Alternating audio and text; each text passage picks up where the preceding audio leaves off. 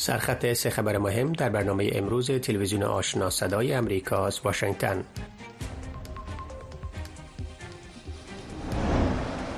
مقامات وزارت خارجه حکومت طالبان و هیئت قوه قضاییه ایران در مورد مشکلات زندانیان افغان در آن کشور و تطبیق موافقتنامه استرداد محبوسین و مشکلات مهاجرین افغان گفتگو کردند.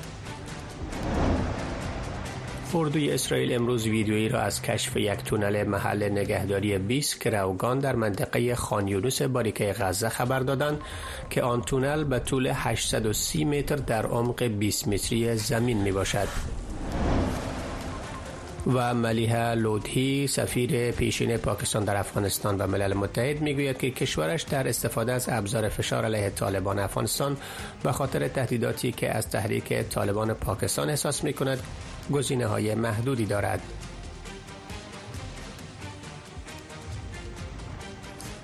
سلام بینندگان گرامی. به برنامه امروز خوش آمدید. امروز یک شنبه 21 ماه جنوری سال 2024 میلادی است. برنامه امروز به طور مستقیم از طریق وبسایت و فیسبوک تلویزیون آشنا صدای امریکا و همچنین در رادیو روی موج متوسط 972 کیلوهرتز به نشر می‌رسد. من محمد احمدی هستم.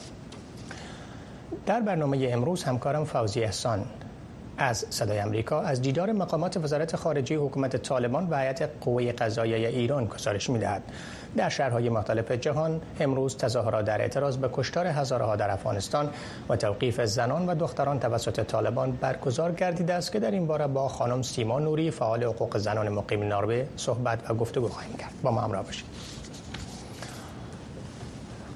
اداره هوانوردی فدرال روسیه امروز یکشنبه تایید کرد که یک تیاره آن کشور که حامل شش نفر بود در مناطق کوهستانی در شمال شرق افغانستان سقوط کرده است. ساعتی پس پیش از آن مقامات حکومت طالبان نیز گفته بودند که یک تیاره کوچک مسافربری در بدخشان سقوط کرده است. اما در مورد اینکه این تیاره متعلق به کدام کشور است؟ معلومات دقیق ارائه نکرده بودند. اداره هوانوردی فدرال روسیه گفته است که تیاره فالکن ده متعلق به آن کشور با چهار عمله و دو مسافر ناوقت شام شنبه از صفحه رادار ناپدید شد و ارتباط با آن قطع گردید. روسیه گفته است که این تیاره از هند به سمت ازبکستان در حرکت بود و قرار بود از ازبکستان به روسیه عزیمت کند. به گفته مقام های روسی تلاش برای یافتن این تیاره ادامه دارد. مقام های وزارت خارجه حکومت طالبان و هیئت قوه قضاییه ایران در مورد مشکلات زندانیان افغان در ایران و تطبیق موافقتنامه استرداد محبوسین و مشکلات مهاجرین افغان گفتگو کردند. از سوی دیگر کمیشنری عالی سازمان ملل متحد در امور پناهندگان گفته است برای رسیدگی به برنامه های مربوط به مهاجرین افغان در ایران و پاکستان برای سال روان میلادی بیش از 620 میلیون دلار فراخوان داده است. جزئیات بیشتر این موضوعات را از فوزی احسان میشنویم که مکنون در استودیو با ما است. خانم احسان در دیدار امیرخان متقی وزیر سرپرست وزارت خارجه پاک طالبان با آقای غریب آبادی که مقام ایرانی بود در مورد چه موضوعاتی صحبت شده؟ بله تشکر از شما آقای احمدی. با سلام به شنونده های گرامی.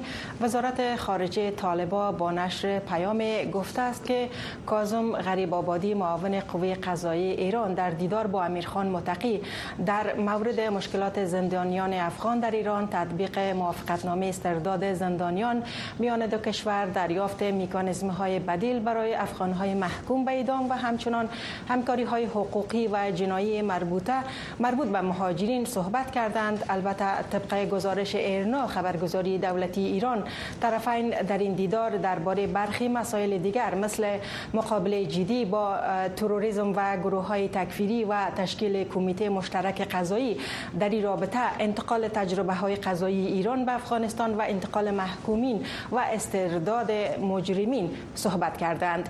اگرچه ارقام دقیقی از شمار افغان های زندانی در ایران در دست نیست اما قبلا مقامات وزارت خارجه ایران گفته بودند که 6000 افغان در زندانهای ایران محبوسند که اکثرشان به جرم قاچاق مواد مخدر و برخی جرایم دیگر در آن کشور زندانی شدند.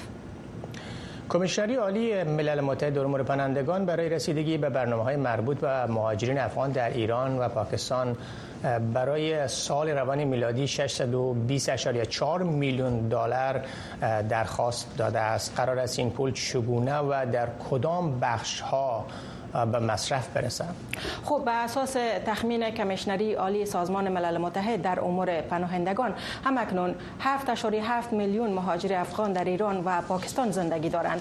پاکستان میزبان حدود 3.2 میلیون مهاجر افغان است و از زمان تصمیم پاکستان برای اخراج مهاجرین بدون اسناد از او کشور بیش از نیم میلیون پناهنده افغان از پاکستان به افغانستان برگشتند. کمیشنری ساز...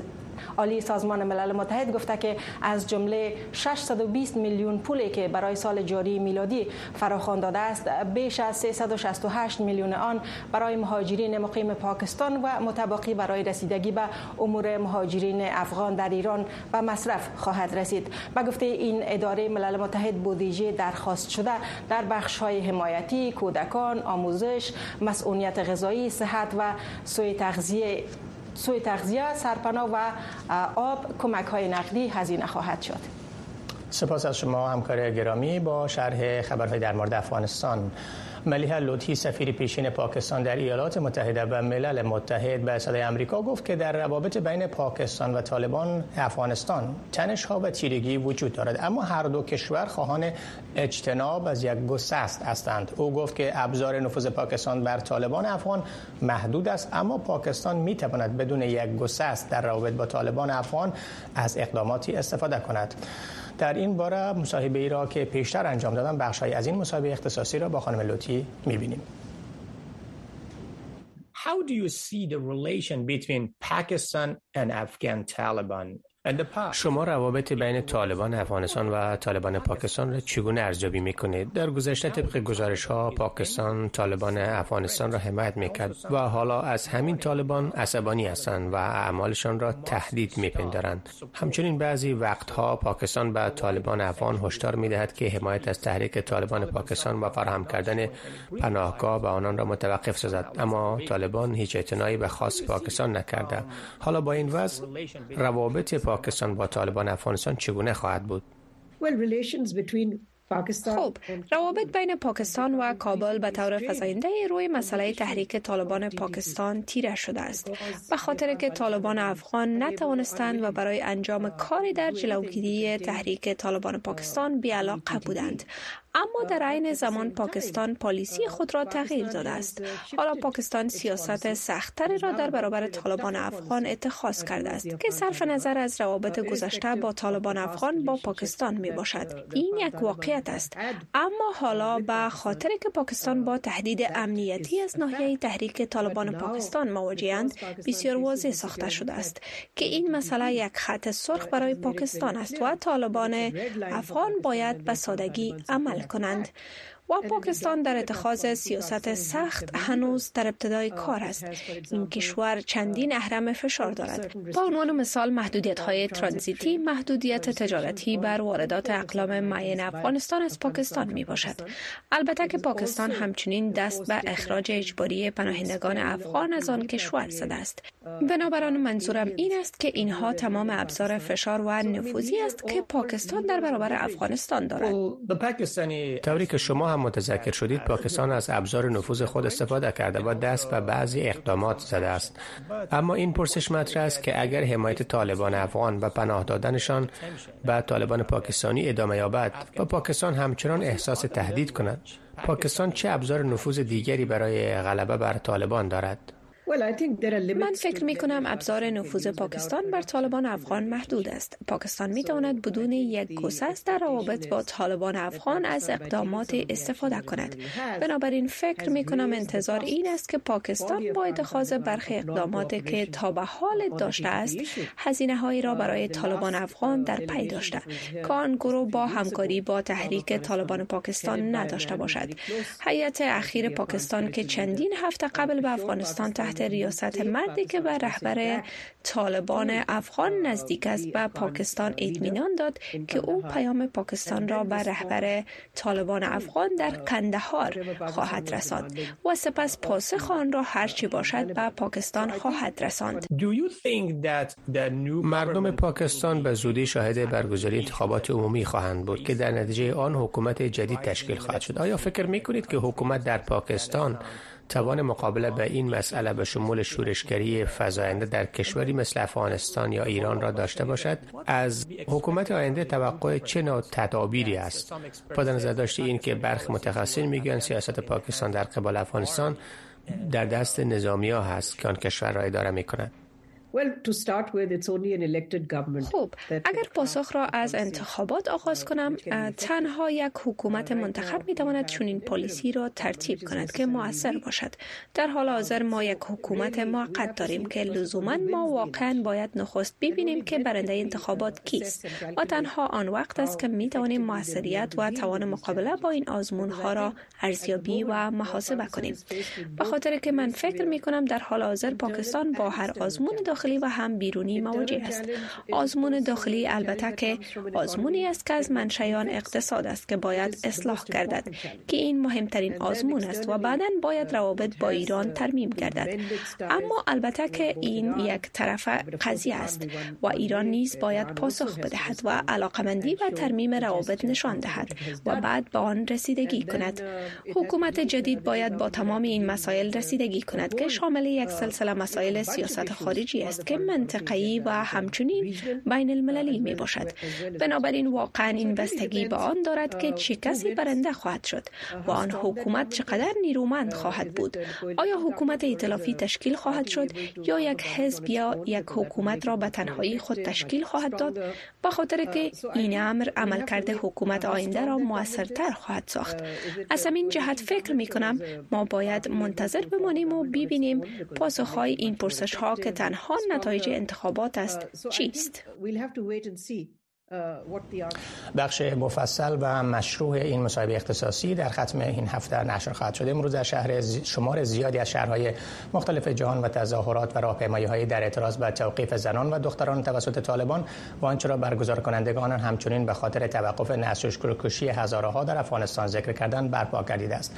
در چندین شهر ایالات متحده آمریکا این تظاهرات از جمله شهر واشنگتن دی سی که قرار ساعتی بعد مقابل قصر سفید برگزار شود نیز برپا می‌گردد. برای کسب معلومات بیشتر این اعتراضات با خانم سیما نوری فعال حقوق زنان مقیم ناروی اکنون صحبتی داریم که نخست ازشان می‌پرسیم که خانم نوری سلام روزتان بخیر.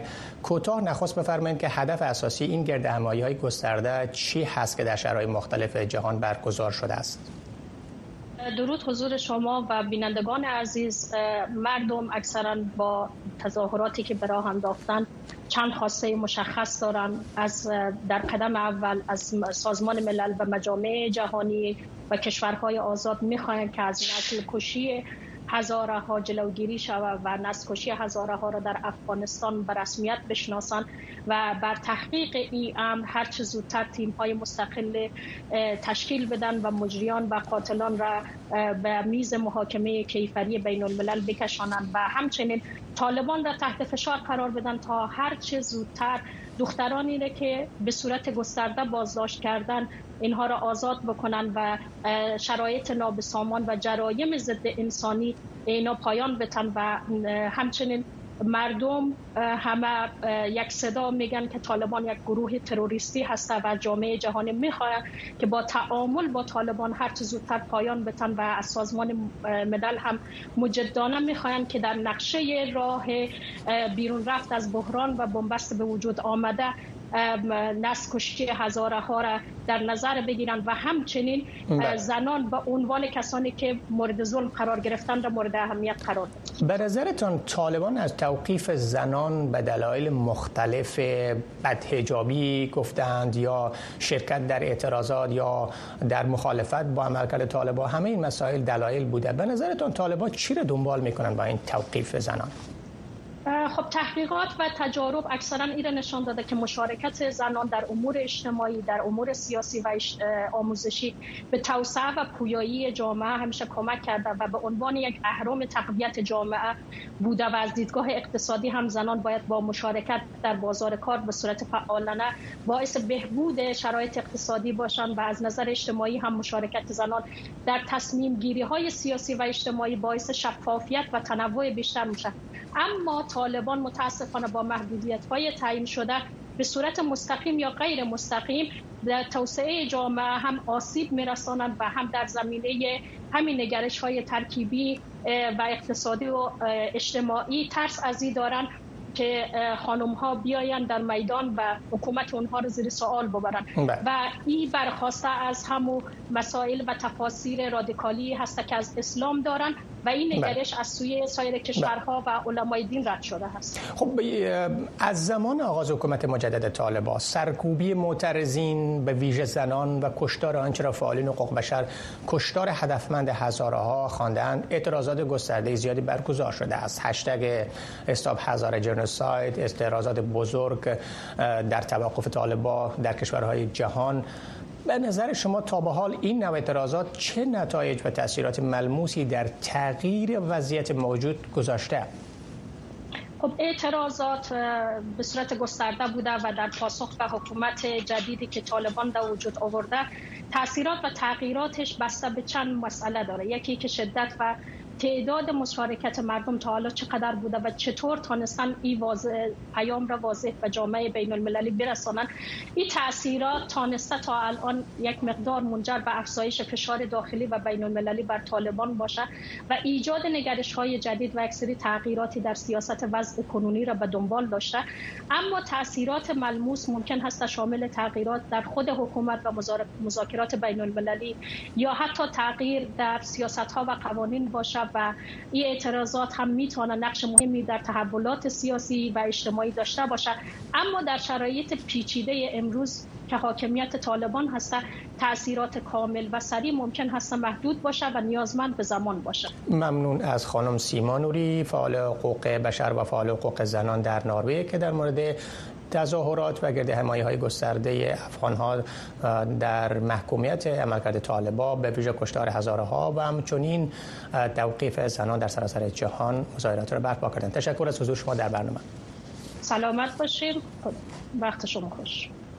بینندگان گرامی گزارشی در مورد تسخیر یک تونل محل نگهداری 20 گروگان در باریکه غزه توسط اسرائیل آمادگی متحدین آمریکا در اروپا در مورد چگونگی آماده شدن برای دومین دور ریاست جمهوری احتمالی دونالد ترامپ و خبر کشته شدن بیش از 50 نفر در سرمایه شدید در بخشی از آمریکا بعد از یک وقفه کوتاه نشر می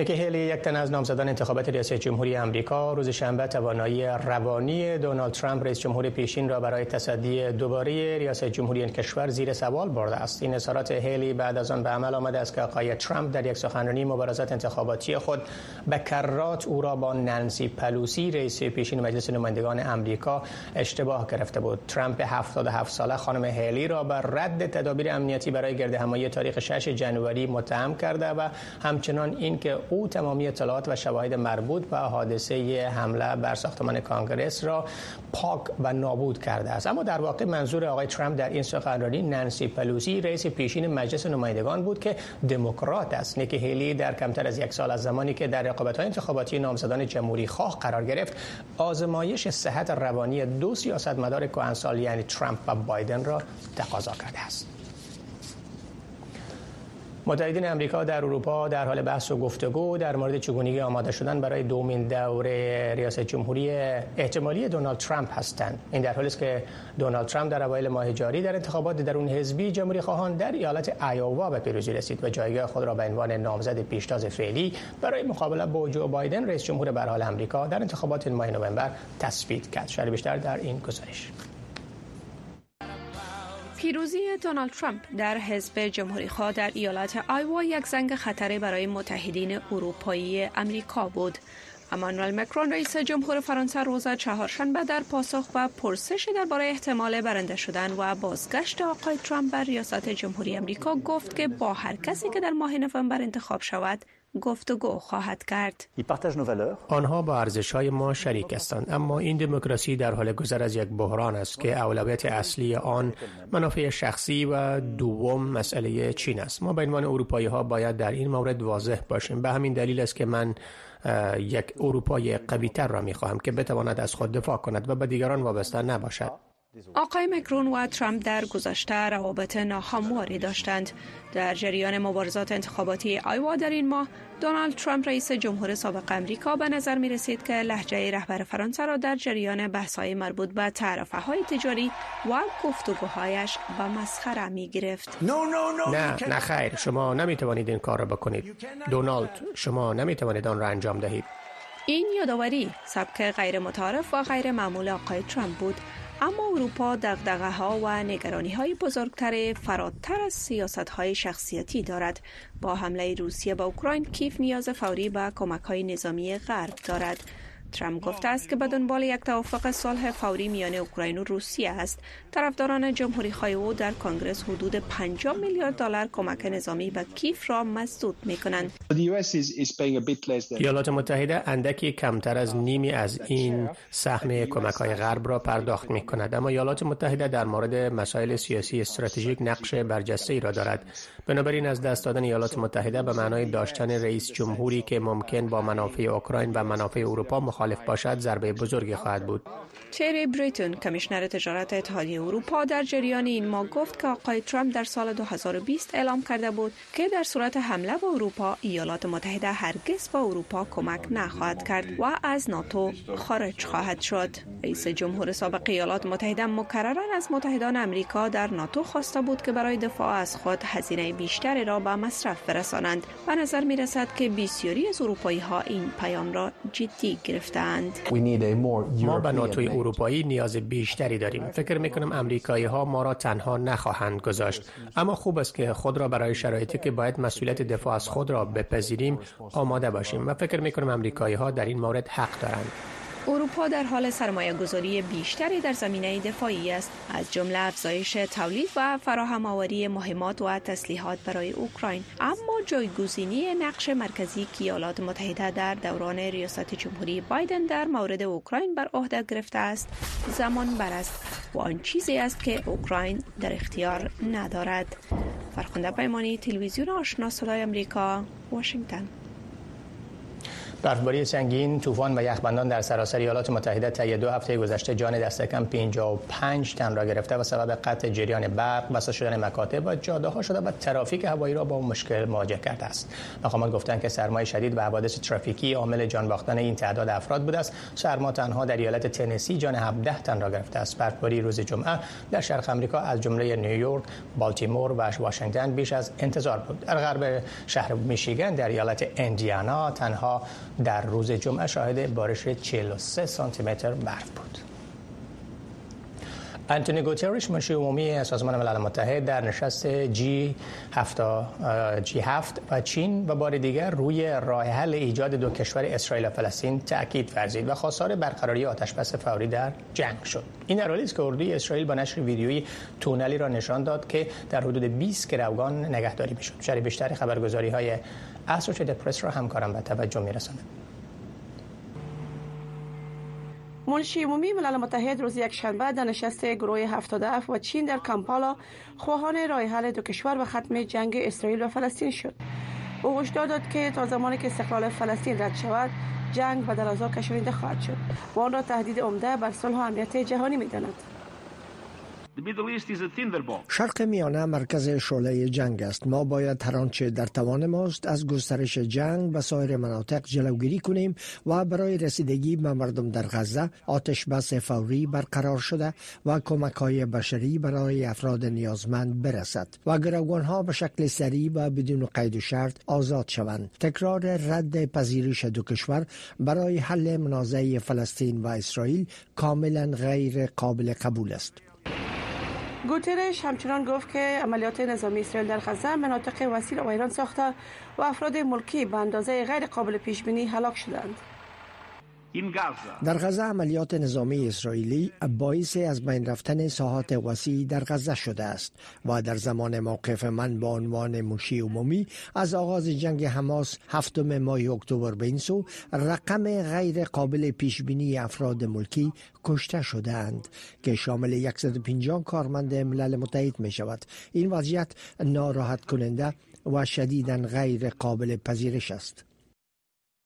ملل متحد گفته است که محاصره غزه توسط اسرائیل باعث افزایش گرسنگی و شیوع امراض شده است و بیشتر از 500 هزار فلسطینی در گرسنگی به سر می‌برند. در ادامه عملیات اسرائیل بر غزه اردو اسرائیل ویدیویی را منتشر ساخته است که در آن یک تونل را در باریکه غزه در منطقه خانیونس به مسافه 830 متر نشان می‌دهد که در آن گروگان های اسرائیلی نگه داشته می شدند. در ویدیو دروازه ها و اتاق ها و توشک و ظروف کثیف و تشنم ها دیده می شود. این در حال است که اسرائیل گفته است که جنگ طی ماه‌های آینده ادامه خواهد یافت تا زمانی که حماس به کلی از بین برود و های اسرائیلی آزاد شوند. پس از چهار ماه جنگ صد گروگان اسرائیلی در قید حماس در غزه باقی ماندند. از سوی دیگر در میان سایر خدمات که در غزه به دلیل جنگ به هم خورده است جمعوری کسافات است. انتقال کسافات به مناطق مشخص شده به دلیل خطرات جنگ ناممکن شده است. از سوی دیگر باشندگان منطقه نگران پیامدهای بوی بد کسافات آلودگی و وضعیت سی خود هستند. ما از منطقه نوسیرت به جا شدیم و اینجا آمدیم به خاطر که جای پیدا نکردیم. ما شب آمدیم و مجبور شدیم زیر خیمه در اینجا بمانیم. متوجه کسافات نشده بودیم. صبح از دیدن تپهای کسافات متعجب شدیم. آشغال ها برای ما مشکل صحی و خستگی روانی و امراض به بار می آورد ما آب نداریم. مردم از اینجا به خاطر مقدار کسافات رفتند. در این حال مشکل جمهوری کسافات در منطقه دیار البله قبل از جنگ نیز وجود داشت اما پس از ماها جنگ وضعیت بدتر شده است. ژیلا نوری تلویزیون آشنای امریکا واشنگتن. یک خبرنگار کنیایی نشری را اداره می کند که فقط مسائلی را که تحت پوشش قرار می دهد مشکلات زنان هست. شبکه زن کنیا که نام این نشری است به زنان کمک می کند تا آنان روایت های خود را به جامعه که در آن کمتر پرداخته شده بیان کنند. شرح بیشتر در این گزارش. ملکه امبوری روزنامه نگار مستقر در نایروبی. مدیر ارشد روزنامه محلی در دنیای خبرنگاری می باشد. این متقاعد ده ساله می گوید که او سبک گزارش دهی در مورد زنان را ناراحت کننده یافته است. زیرا به گفته او از جنسیت زنان استفاده می شود و آنان را بد نشان دادند این امر برای مدت بسیار طولانی مرا ناراحت می ساخت و من در این مورد حتی بحث های زیاد در جاهای مختلف داشتم. بعدا متوجه شدم که من نمی توانم با هفت مدیر دیگر به این گونه مبارزه کنم. زیرا بیشتر اوقات در بحث ها پیرامون ارائه نادرست از زنان گیر می ماندم و من به تنهایی بازنده می شدم. به این ترتیب خانم انبوری در سال 2020 دست به اقدام زد و شبکه زن کنیا را تأسیس کرد وبسایتی که در آن خبرنگاران روایت های منحصر به زنان را باستاب می دهند کم از کم ده خبرنگار در اینجا استخدام شدند که در مورد موضوعات چون کسب کار، نوآوری، تغییرات اقلیمی و صحت باروری زنان گزارش می دهند. در گزارشی که در سال 2022 توسط دانشگاه آکسفورد منتشر شد مشخص گردید که زنان تا حد زیاده تحت پوشش خبری کم قرار می گیرند و آن هم به شیوه های کلیشه‌ای و ساده به تصویر کشیده می شوند. از این لحاظ انجمن زنان رسانه کینیا به نمایندگی بیشتر زنان از طریق مشارکت ها از حقوق آنان طی گزارش ها حمایت می کند. ما همچنین با سازمان ملل متحد در بخش زنان همکاری می کردیم تا ببینیم چگونه می توانیم با عنوان یک سازمان ورکشاپ های انگیزه جنسیتی برای زنان در رهبری داشته باشیم در مورد اینکه چگونه آنها می توانند از رسانه ها استفاده کنند چه رسانه های اجتماعی و چه رسانه های تصویری تا خود را باستاب دهند. علاوه بر این ما چندین جلسه آموزشی هم برای زنان و هم برای مردان به شمول مدیران راه اندازی کردیم تا آنان را برای درک حساسیت های جنسیتی آگاهی دهیم. خبرنگاران مانند انبوری معتقدند که نشریه های مانند شبکه زن کنیا می توانند در برملا ساختن داستان ها و روایت های موفق زنان نقش بارز را ایفا کنند. رویا زمانی تلویزیون آشنای صدای امریکا واشنگتن. بیننده گرامی بود. داشته های برنامه تلویزیون آشنا صدای امریکا از واشنگتن. تشکر از اینکه بیننده این برنامه بودید.